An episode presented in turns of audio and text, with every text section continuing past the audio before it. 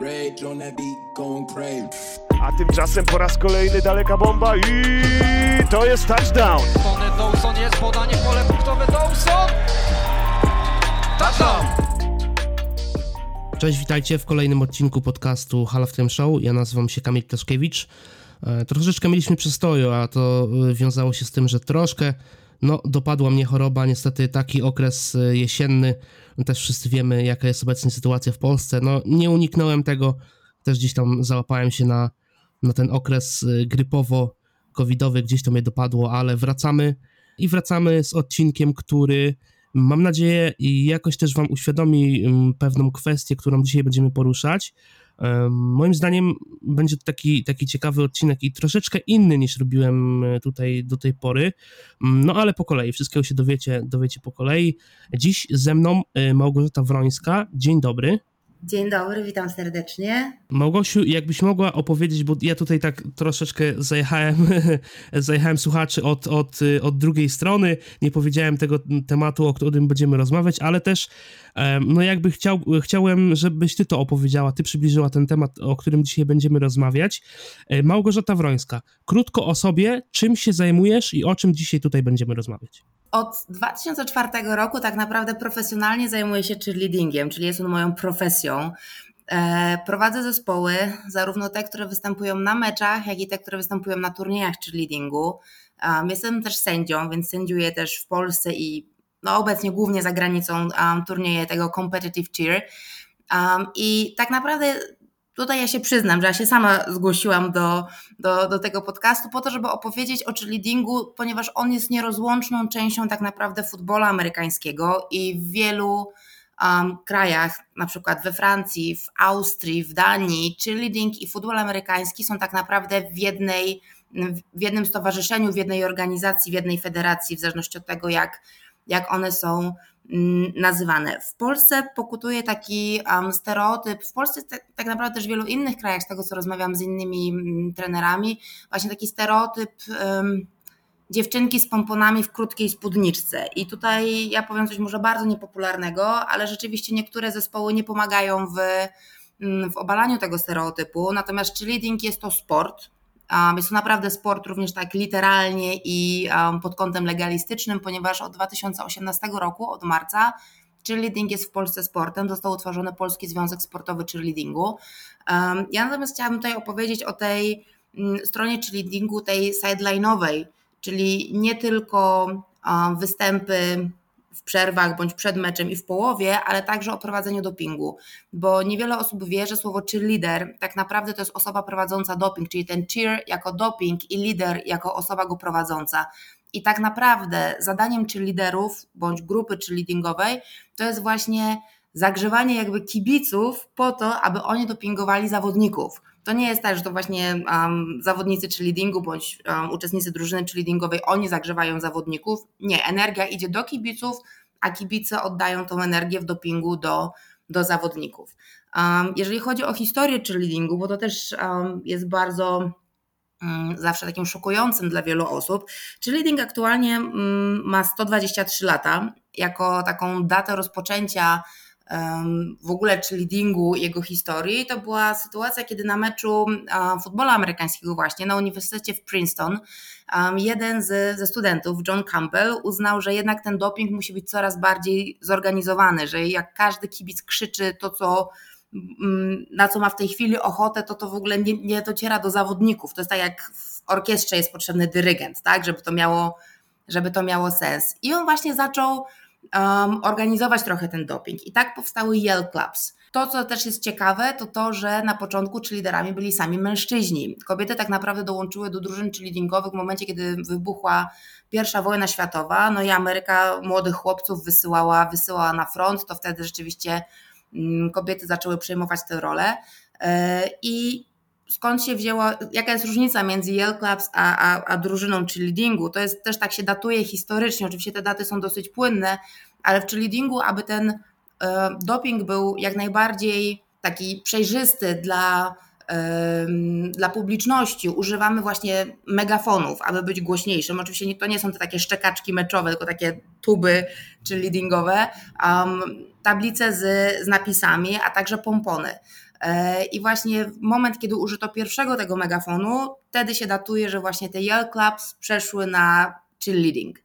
Mm, też co jest ciekawe, wspomniałam o pomponach, które są takie chyba najbardziej charakterystyczne dla, dla, dla, dla cheerleadingu, to one tak naprawdę nie są do ozdoby, nie pełniły takiej roli absolutnie na samym początku, tylko one służyły po to, żeby wskazywać publiczności, jaki, którą barwę drużyny skandujemy w tym momencie. Na początek bardzo dużo informacji tutaj przytoczyłaś na, na sam początek, ale, ale, ale dobrze, bo, bo ja też tutaj właśnie zapisałem sobie takie pytanie, co to jest ten y, cheerleading, więc, więc wyjaśniłaś już tą kwestię na, na samym początku. E, do tych stereotypów i, i o tym, co tutaj wspomniałaś między wierszami, to jeszcze sobie później przejdziemy. Natomiast ja chciałbym zapytać, bo... w Polsce, obserwując drużyny futbolu amerykańskiego, no to mamy no powiedzmy liderki, tak, ale ja też przed tym y, podcastem też troszeczkę zaczerpnąłem wiedzy.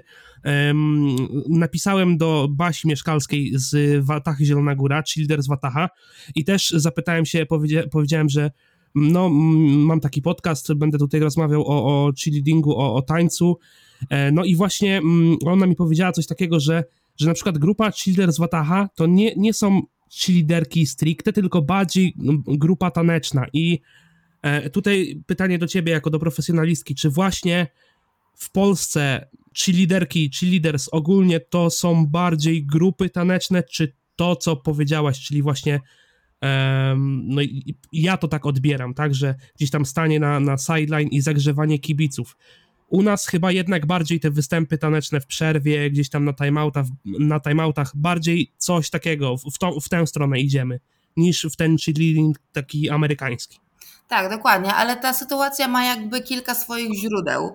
E, po pierwsze, mamy w Polsce, generalnie w Polsce, zupełnie inną kulturę dopingu niż w Stanach. I to chyba jakby nie wymaga większego tłumaczenia, dlaczego tak jest i, i, i jaka jest różnica. Natomiast to też wynika z tego, że często drużyny cheerleaders, które występują na meczach czy futbola amerykańskiego, czy koszykówki, e, jakby występują, występują również w innych miejscach i swoje repertuary mają dostosowane znaczy raczej właśnie nie są dostosowane, są dosyć takie uniwersalne, tak? Że teraz mamy taką choreografię, potem mamy taką choreografię. Literalnie to rzeczywiście drużyna, która tylko tańczy i występuje, nie jest drużyną czy leadingu. E, po prostu zapewnia rozrywkę w czasie meczu i ta rozrywka może być wspaniała i to może być super. I jakby to nie jest żaden przytyk ani, ani wytyk, że a wy tylko tańczycie, więc nie jesteście czy liderkami. Nie, jak najbardziej zapewniacie rozrywkę podczas meczu, kibice się cieszą, jakby super. Natomiast rzeczywiście no nie jest to drużyna cheerleadingu. Natomiast przez to, że jakby to pierwsze skojarzenie pomponów z cheerleaderką jest dosyć oczywiste, to jak ja miałam swoje poprzednie komercyjne zespoły, to one mimo tego, że nie prowadziły tego dopingu, to też po prostu w Mm, no po prostu w ramach marketingowych również nazywały się, że są cheerleaders, tak? Żeby było po prostu pierwsze skojarzenie, że tak one, one są od występów na meczach, bo często też już abstrahując od futbola amerykańskiego, ale często na halach się zdarza, że kluby sportowe, koszykarskie, siatkarskie zapraszają po prostu mm, różne podmioty zajmujące się tańcem, czyli na przykład szkoły tańca, e, do występów podczas meczu. I to najczęściej jest taka dosyć wymiana barterowa, że szkoła tańca przychodzi w celach e, promocji własnej, własnej działalności. No i wtedy mamy pokazy, które tak naprawdę e, trochę nijak się mają do, do meczu, bo nie ukrywajmy, jeżeli robimy choreografie meczowe, niezależnie od tego, czy to jest koszykówka, siatkówka, futbol amerykański,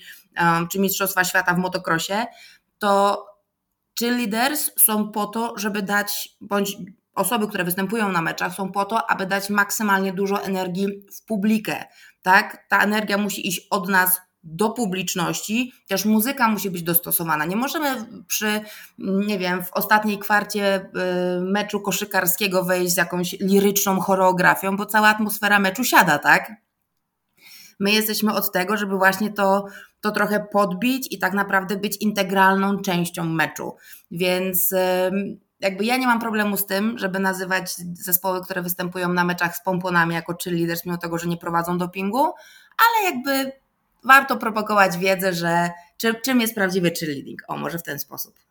A czy można to łączyć na przykład, że mm, ten taniec, o którym tutaj wspomniałem, że, że właśnie te grupy, które mamy w Polsce bardziej stawiają na te występy taneczne i, i zapewnienie rozrywki, a e, grupa cheerleaders, to tak jak tutaj mówisz, że, że jest to zagrzewanie kibiców, e, czy no, w Polsce wiadomo, lubimy e, robić niektóre rzeczy po naszemu, tak? Po, Tak, po tak. polsku. I, I czy można to połączyć w jakimś sensie, że grupy cheerleaders to też niejako grupy taneczne? No nie wiem, jak to inaczej ująć. Jasne, że tak. To znaczy jakby, mm, bo też już wiem, co mi umknęło, bo ja jestem strasznie gadatliwa, jak przychodzi do, do cheerleadingu, ale umknęła mi ta rzecz, że właśnie często e, drużyny, które występują na meczach futbolu amerykańskiego, odpuszczają sobie ten doping mm, z bardzo prostej przyczyny. Trzeba naprawdę mieć ogromną charyzmę i bardzo dużą pewność siebie i też poniekąd siłę w grupie, bo jakby mm, grupa cheerleadingu to jest tam powiedzmy w okolicach 10 i ponad, i ponad osób, żeby krzyczeć coś do obcych ludzi, tak, żeby oni chcieli od to odkrzyknąć. Wiesz o co chodzi? Żeby nie było tak, że te dziewczyny wyjdą, zaczną coś krzyczeć do kibiców, a oni się na nie spojrzą, że no, no ale jakby no, no O może chodzi, niekoniecznie. tak? Tak, no może No niech dobra, właśnie. dziewczynki idźcie do domu, tak? Bo, czas, bo kibice są różni i tu niestety, tutaj, e, no tutaj nie ma zmiłuj. Więc bardzo często ten doping jest odpuszczany po prostu z, z takiej kwestii. I, i, natomiast teraz myślę, że o tym będzie czas, żebym powiedziała troszeczkę później. Pracujemy z Kraków Football Kings nad projektem takim prawdziwego sideline'u, czyli nasze zawodniczki, nasze, nasze cheerleaderki i też cheerleaderzy, bo też e, mieliśmy epizod um, koedukacyjny w naszej, w, na, w naszej drużynie, będą i tańczyć, i stantować, czyli będą robić te wszystkie podnoszenia, które znamy z, z filmów amerykańskich um, i będą też prowadzić doping. Um, zaczynamy na razie tak naprawdę występy na meczach juniorów, ponieważ tam jest e, środowisko trochę bardziej e, przyjazne dla osób początkujących, ale docelowo jest tak, że one będą również występowały nie tylko na meczach seniorów, ale także mm, i będą na meczach wyjazdowych. Także do, takie są plany, takie są rozmowy, zobaczymy jak to się wszystko potoczy. E, Bo wiadomo, snu, snucie planów wszystko przyjmie, natomiast zobaczymy, jak się wszystko potoczy dalej. Ej, Jeszcze powróćmy na chwilę do tej samej idei e, cheerle- e, cheerleadingu i ja tutaj też chcę e, powiedzieć o, o takiej sprawie, miałem okazję oglądać mecz NFL e, w Londynie, byłem na meczu NFL w Londynie w 2019 roku. E, i tam też zauważyłem to, m, jak przyjechały cheerleaderki Jacksonville Jaguars. One przyjechały do Londynu właśnie z drużyną na mecz. I, i też mnie to trochę uderzyło tak, że no no bo ja znałem to, co mamy w Polsce, tak? Czyli Tak, tak. gdzieś tam e, Lokalna występy- na meczu. tak, występy na, na, time, na timeoutach, jakieś pokazy taneczne i tak dalej. A tam było to rozwiązane zupełnie inaczej. Dziewczyny miały jeden taki większy występ tuż przed meczem, a w trakcie spotkania to był tylko i wyłącznie sideline, czyli to, o czym ty mówisz, że one zagrzewały kibiców do e, dopingu. No i to jakby. mm, No, uderzyło mnie to, tak? Pierwsza różnica, mm, którą my tutaj, ma, my tutaj mamy w Polsce, a tam w Londynie zobaczyłem, że jednak robi się to inaczej. E, Na profesjonalnej scenie robi się to troszeczkę inaczej. I właśnie e, no to jest chyba ta największa różnica tego podejścia przede wszystkim do, do cheerleadingu. Tak, znaczy mm, tam jest, że tak powiem, tych różnic jest wiele. Przede wszystkim, tak jak to mówiłam, że w wielu um, federacjach ta drużyna cheerleadingu to nie jest na doczepkę, żeby coś było w międzyczasie, tylko rzeczywiście to jest integralna część klubu i to jest jakby pierwsza rzecz.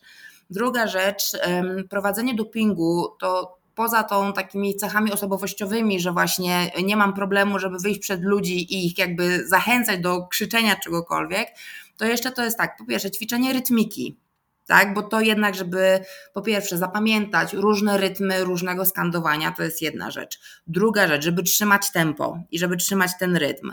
Trzecia rzecz, żeby używać przepony przy skandowaniu, a nie tylko i wyłącznie gardła, bo to się potem będzie wiązało z tym, że przez trzy dni nikt nic nie mówi.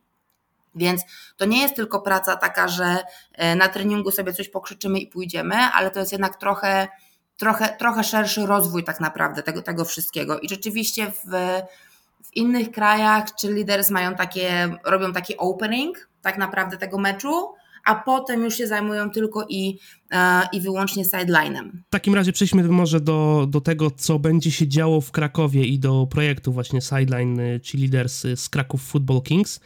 Widziałem, widziałem nabór, no ale może zacznijmy od początku. Skąd pomysł i, i jak to się w ogóle wszystko zaczęło, że taki projekt w Kraków Kings ma szansę powstać? Tak naprawdę inicjatywa wesz, wyszła od e, drużyny juniorskiej, ponieważ oni rzeczywiście zauważyli, że mm, grupa cheerleaders to jest jakby właśnie jakby część klubu i że czegoś im tutaj brakowało.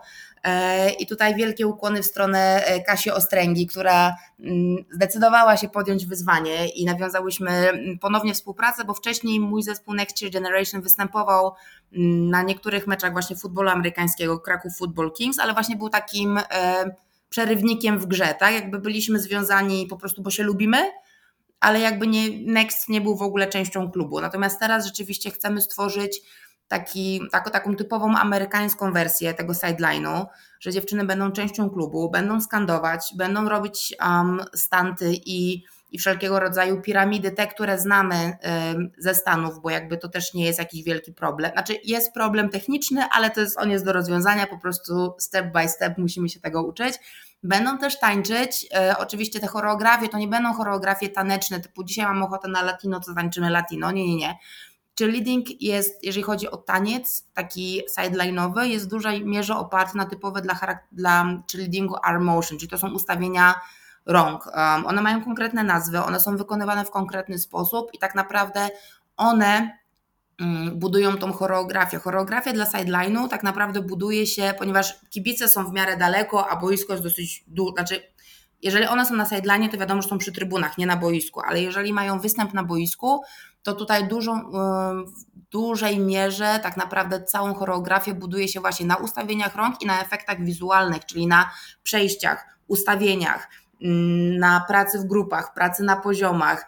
E, właśnie to jest to, co charakteryzuje ten taki amerykański, nazwijmy to taki cheer taniec, to co jest, powinno być na, na futbolu amerykańskim, od tańca turniejowego bądź cheerleadingu sportowego, który tak naprawdę dzieli się na dwie główne druży, dwie główne takie dywizje. Pierwsza to jest ta akrobatyczna i to jest to, co nazywamy cheerleadingiem, a ta część taneczna to jest performance cheer. I to jest jakby zupełnie dwie różne bajki i zazwyczaj nie ma szans, żeby dobrze osoba trenowała i jedno i drugie. A w, podczas meczu wykorzystuje się obie te E, formy, że tak powiem, czy, czy, czy bardziej, ta, bardziej ta akrobatyka, czy ten performance? Czy to się łączy? E, u nas na chwilę obecną bardziej kładziemy na jakby nacisk na taniec, bo rzeczywiście, żeby wykorzystywać bezpiecznie elementy akrobatyczne, to, to nasze, po prostu nasze cheerleaderki muszą być do tego przygotowane fizycznie.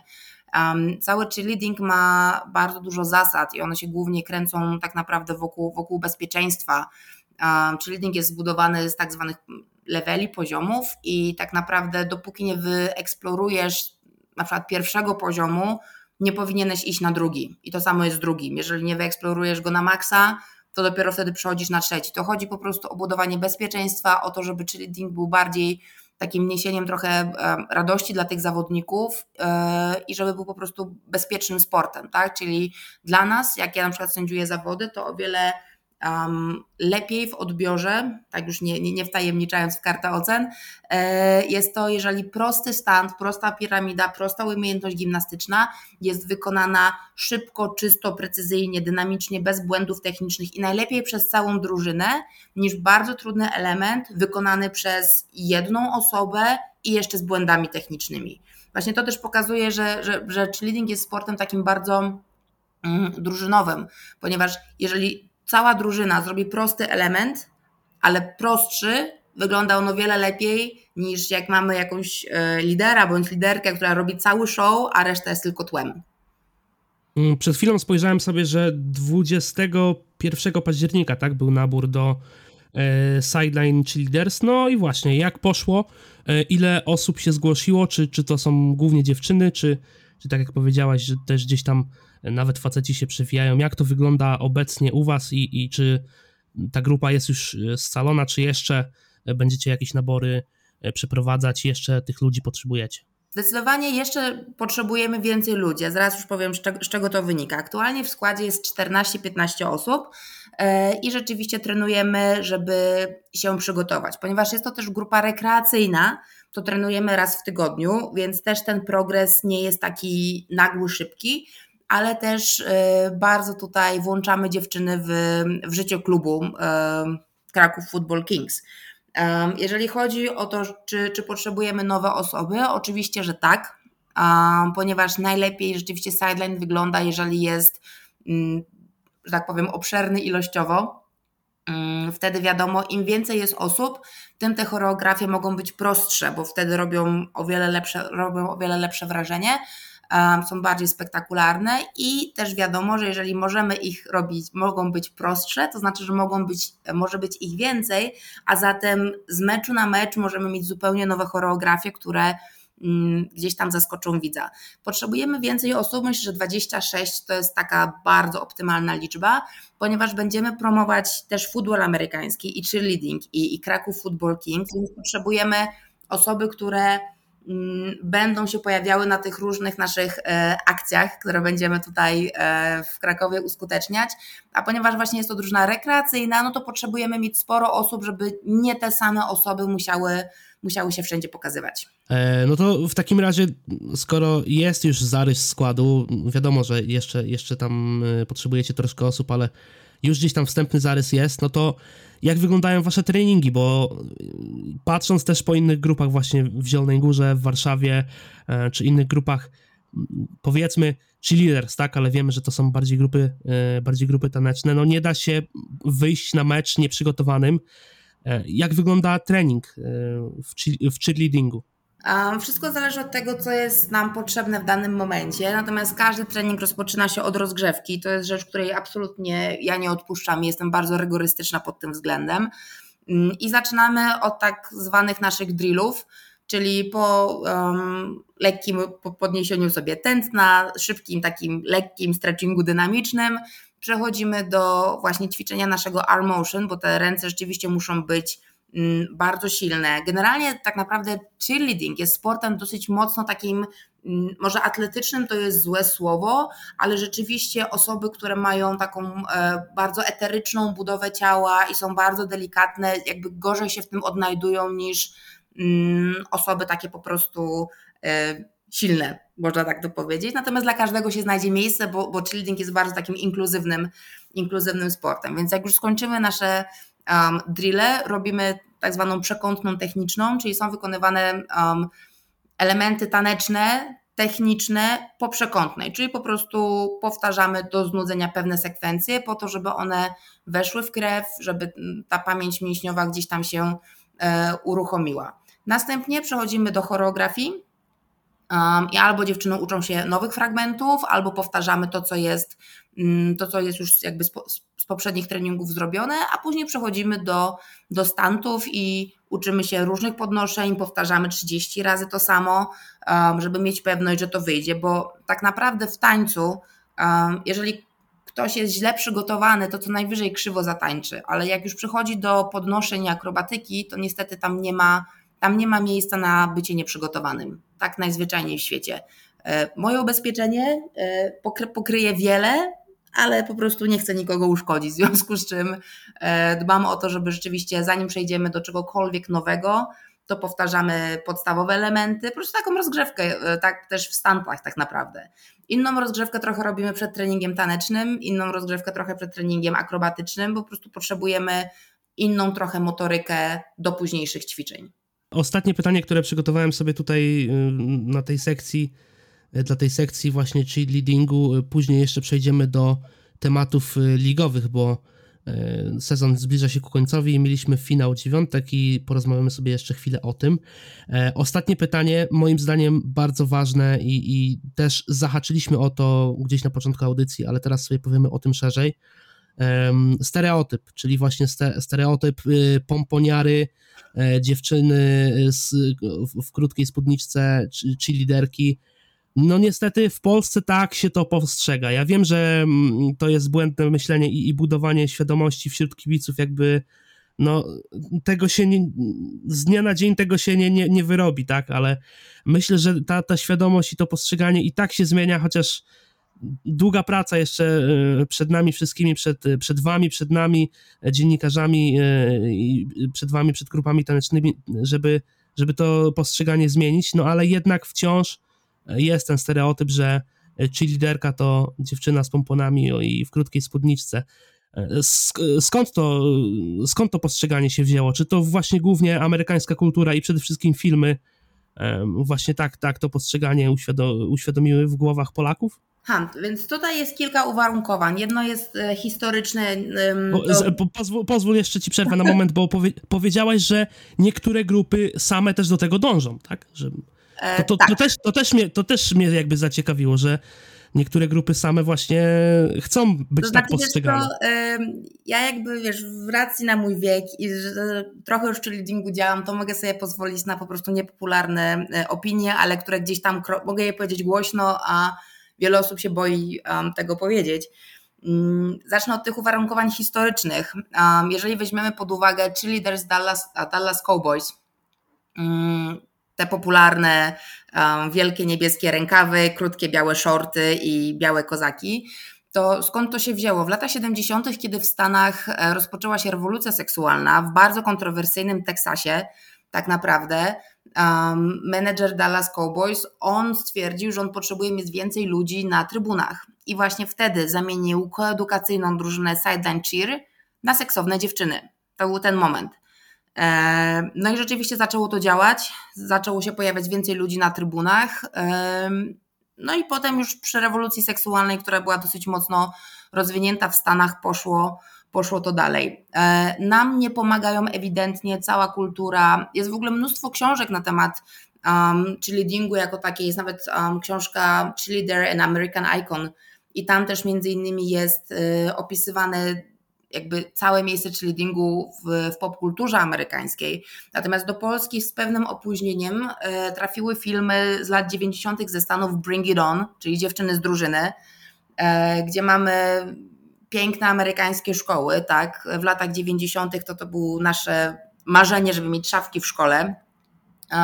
A tam wszyscy mieli swoje szafki, podjeżdżali super samochodami, dziewczyny z, e, dziewczyny z drużyny w zasadzie chodziły w tych pięknych uniformach z odkrytymi brzuchami, zawsze był ktoś wredny, zawsze był ktoś miły i były te wojny, wojny czy liderek, no i kapitan zawsze musiała chodzić z kapitanem drużyny, czy tam była futbolowa, czy, um, czy koszykarska, wszystko jedno, tak? I to nam gdzieś te stereotypy, one są, e, są dalej powielane. Co więcej, e, choreografie, które często są prezentowane na meczach, dla mnie nie powinny się tam znaleźć.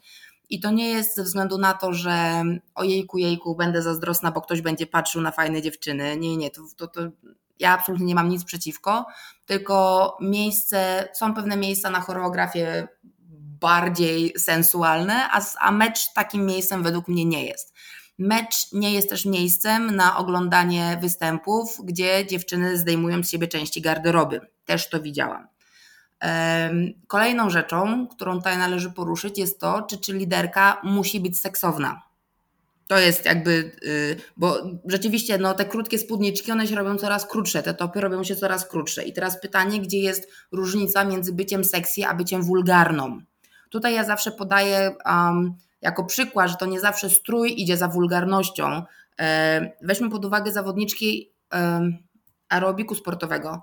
One są tak naprawdę, występują w samych majtkach i stanikach, często, bo często też mają body, ale jakby często strojem są po prostu majtki i stanik, oczywiście sportowe, ale o nich nikt tak nie pomyśli jako czy liderkach. No pewnie dlatego, że nie wykonują pewnego rodzaju ruchów, tak? Jeżeli zawodniczki aerobiku sportowego robią pompki zawiasowe na triceps, to proszę mi wierzyć, absolutnie nikt o nich nie pomyśli tak stereotypowo jako czy liderkach. To jest... Więc to jest jakby pierwsza rzecz. Druga rzecz jest taka, że dopóki do włodarzy klubów nie dotrze, że mamy XXI wiek um, i może kobiety niekoniecznie powinny być um, w ten sposób, że tak powiem. No bo z, jed, okay, z jednej strony włodarze klubów, ja też tańczyłam dla różnych klubów sportowych i, pod, i, i, współpracowałam z wieloma organizatorami, i oni często mają jakieś tam, przemycają w rozmowie swoje wymagania co do, co do występu. Więc e, często jest tak, że zespół się dostosowuje do woli włodarzy i niestety prezentuje taką linię, która na mecz według mnie się nie nadaje. Więc w momencie, dopóki my nie dostrzeżemy tego, że a, jest XXI wiek i naprawdę można wykorzystać fajnie um, timeouty, czy występy przed i po, czy i w, i w trakcie meczu jako pokaz sportowy, że to też jest sport, no to możemy mieć problem. Mieliśmy taką sytuację w 2000, to był chyba 2016 rok, kiedy były Mistrzostwa Europy w, w piłce ręcznej i jeden z, siatka, e, z piłkarzy ręcznych ze szwedzkiej drużyny właśnie wypowiedział się negatywnie o, o występach czy leaders, że właśnie, że, że najwyższy czas panowie wyjść z jaskiń, tak? I że może seksowne czy liderki to nie jest, to nie jest najlepszy pomysł. I oczywiście polski internet obiegły hasła w stylu polskie czy liderki zbyt seksowne dla Szwedów. No nie do końca, oni po prostu żyją w trochę innym paradygmacie. Um, ogromna drużyna um, koszykówki Alba Berlin zrezygnowała zupełnie ze swoich cheerleaders, a miały dziewczyny naprawdę, były świetne, były świetnymi tancerkami też pod kątem technicznym. Więc no może rzeczywiście należy zmienić ten styl patrzenia, że jednak e, jest to sport, e, że jednak bycie czy liderką e, bądź czy liderem wymaga całej masy pracy, bo to jest i choreografia, i elementy akrobatyczne. I dla tych osób, które prowadzą doping, to to też jest i rytmika, i praca z głosem, i też praca z głosem podczas ruchu, tak? No bo jednak też um, podczas tego się ruszają. Więc tutaj jest bardzo wiele rzeczy, które tak, na tak naprawdę należy przemyśleć. Problemem właśnie jakby, jeszcze wracając do tego, że często włodarze klubów sobie życzą, żeby zespoły wyglądały tak, a nie inaczej, e, no to jeżeli na mecz przyjdzie tysiąc osób, to te tysiąc osób po zobaczeniu mm, twerkujących czy liderek na parkiecie, no to sobie pomyśl, no, że tak to ma wyglądać, tak? Skoro mój klub tak ma, to znaczy, że tak to ma wyglądać. Skoro się nazywają czy liderkami, to znaczy, że tak to ma wyglądać. Więc ja myślę, że to jednak ten przykład musi pójść jednak trochę z góry. Ja nawet też mm, po tych prawie 20 latach w, branży postanowiłam trochę uskutecznić swoje działania właśnie w stronę klubów sportowych, bo też szkole trenerów i tam właśnie też na, mm, na szkoleniach przekazuję całą masę informacji, że jednak cheerleading jest takim sportem, gdzie nikt, kto go ogląda, nie może czuć się nieswojo, obrażony. To jest sport, który jest oglądany przez wszystkich i jest dla wszystkich.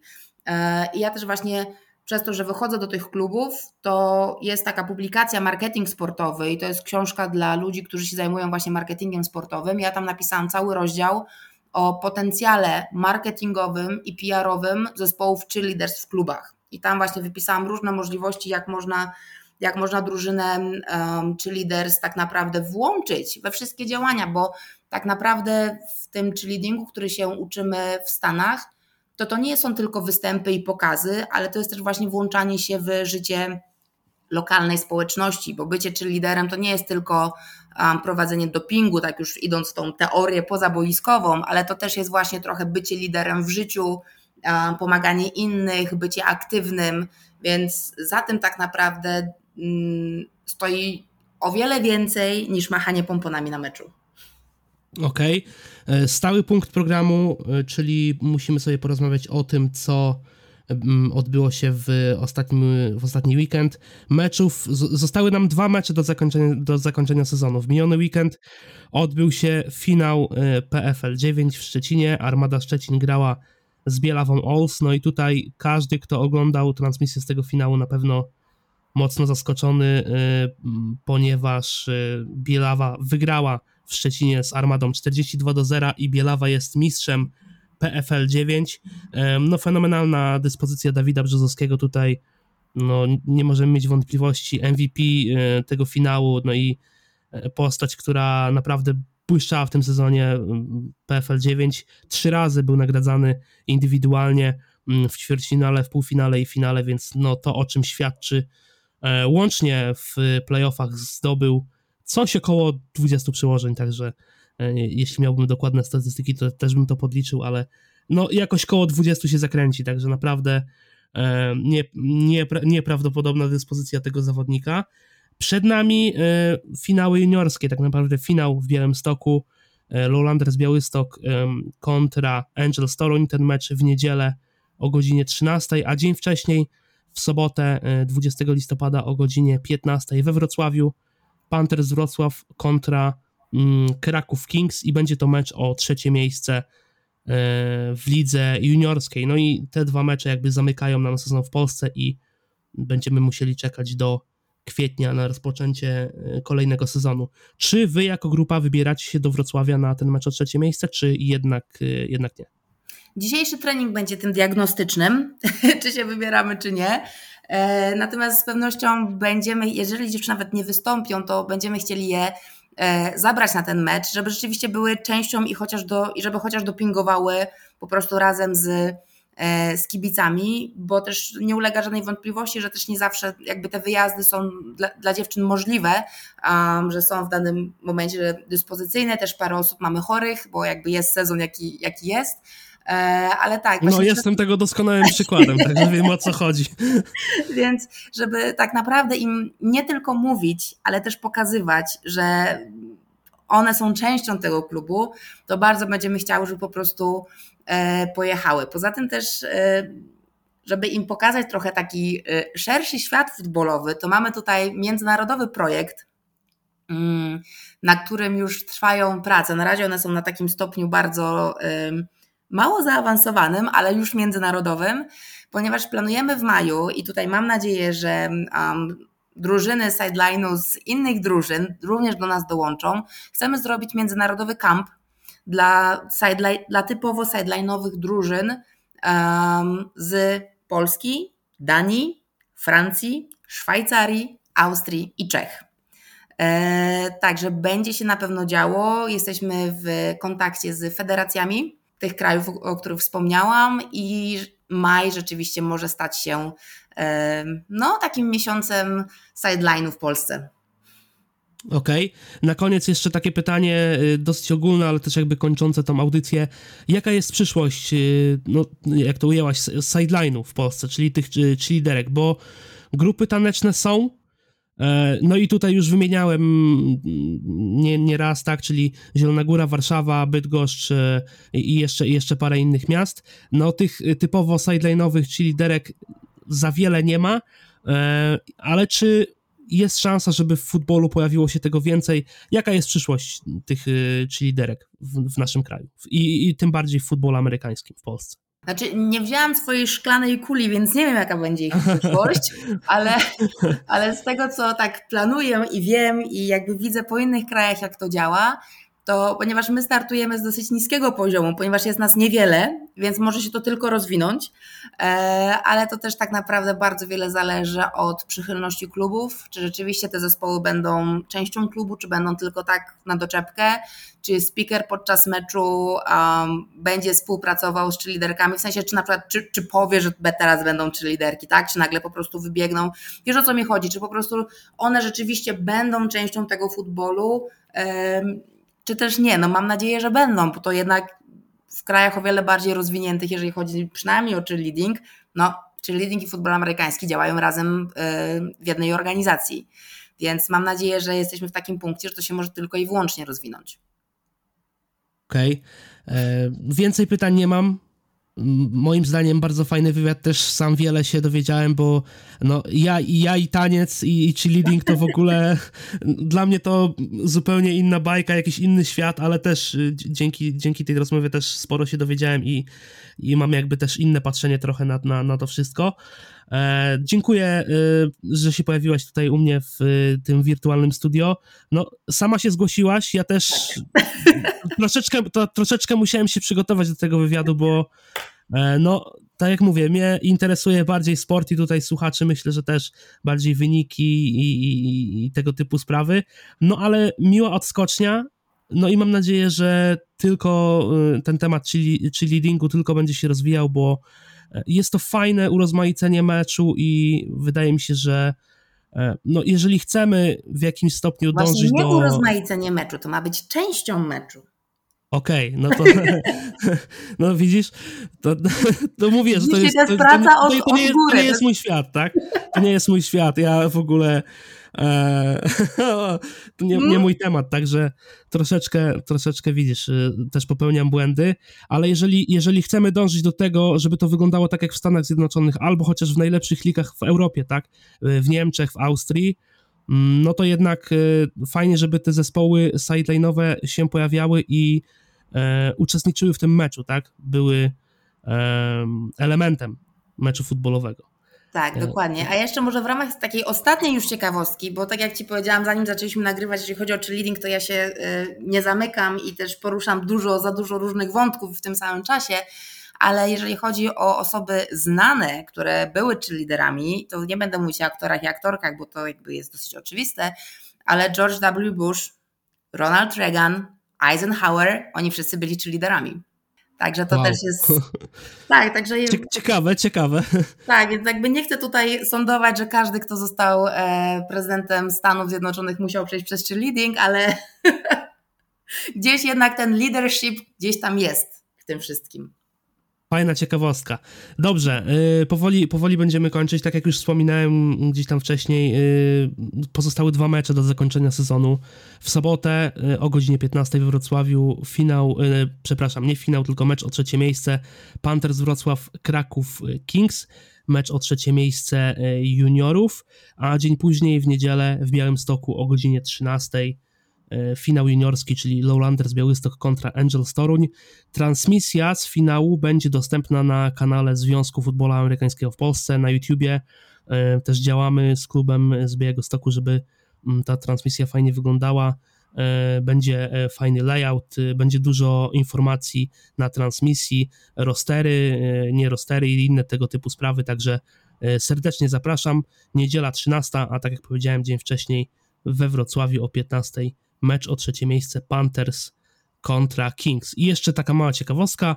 Przed tym spotkaniem we Wrocławiu, yy, czyli w sobotę o 15 będzie ten mecz o trzecie miejsce, a przed, przed tym meczem yy, będzie rozgrywany mecz flagówki pomiędzy Panthers Minis a Metropolitans Bydgoszcz. Także jeśli ktoś chciałby sobie zaplanować yy, sobotę z futbolem amerykańskim we Wrocławiu, no to już od 12 będzie taka możliwość. Najpierw mecz flagówki, a później ten mecz o trzecie miejsce. Ze swojej strony zachęcam, bo to już jest naprawdę ostatnia okazja, żeby w tym roku zobaczyć futbol amerykański na żywo.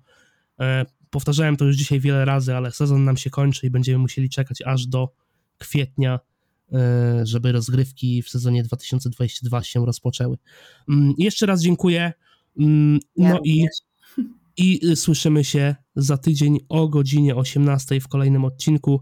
Mam nadzieję, że jeszcze z jeden, dwa, odcin dwa odcinki uda nam się zrealizować, a potem udamy się e, w zimowy sen, no bo sezonu nie będzie, więc, więc też e, podcast będzie potrzebował troszeczkę przerwy. Dzięki i do następnego.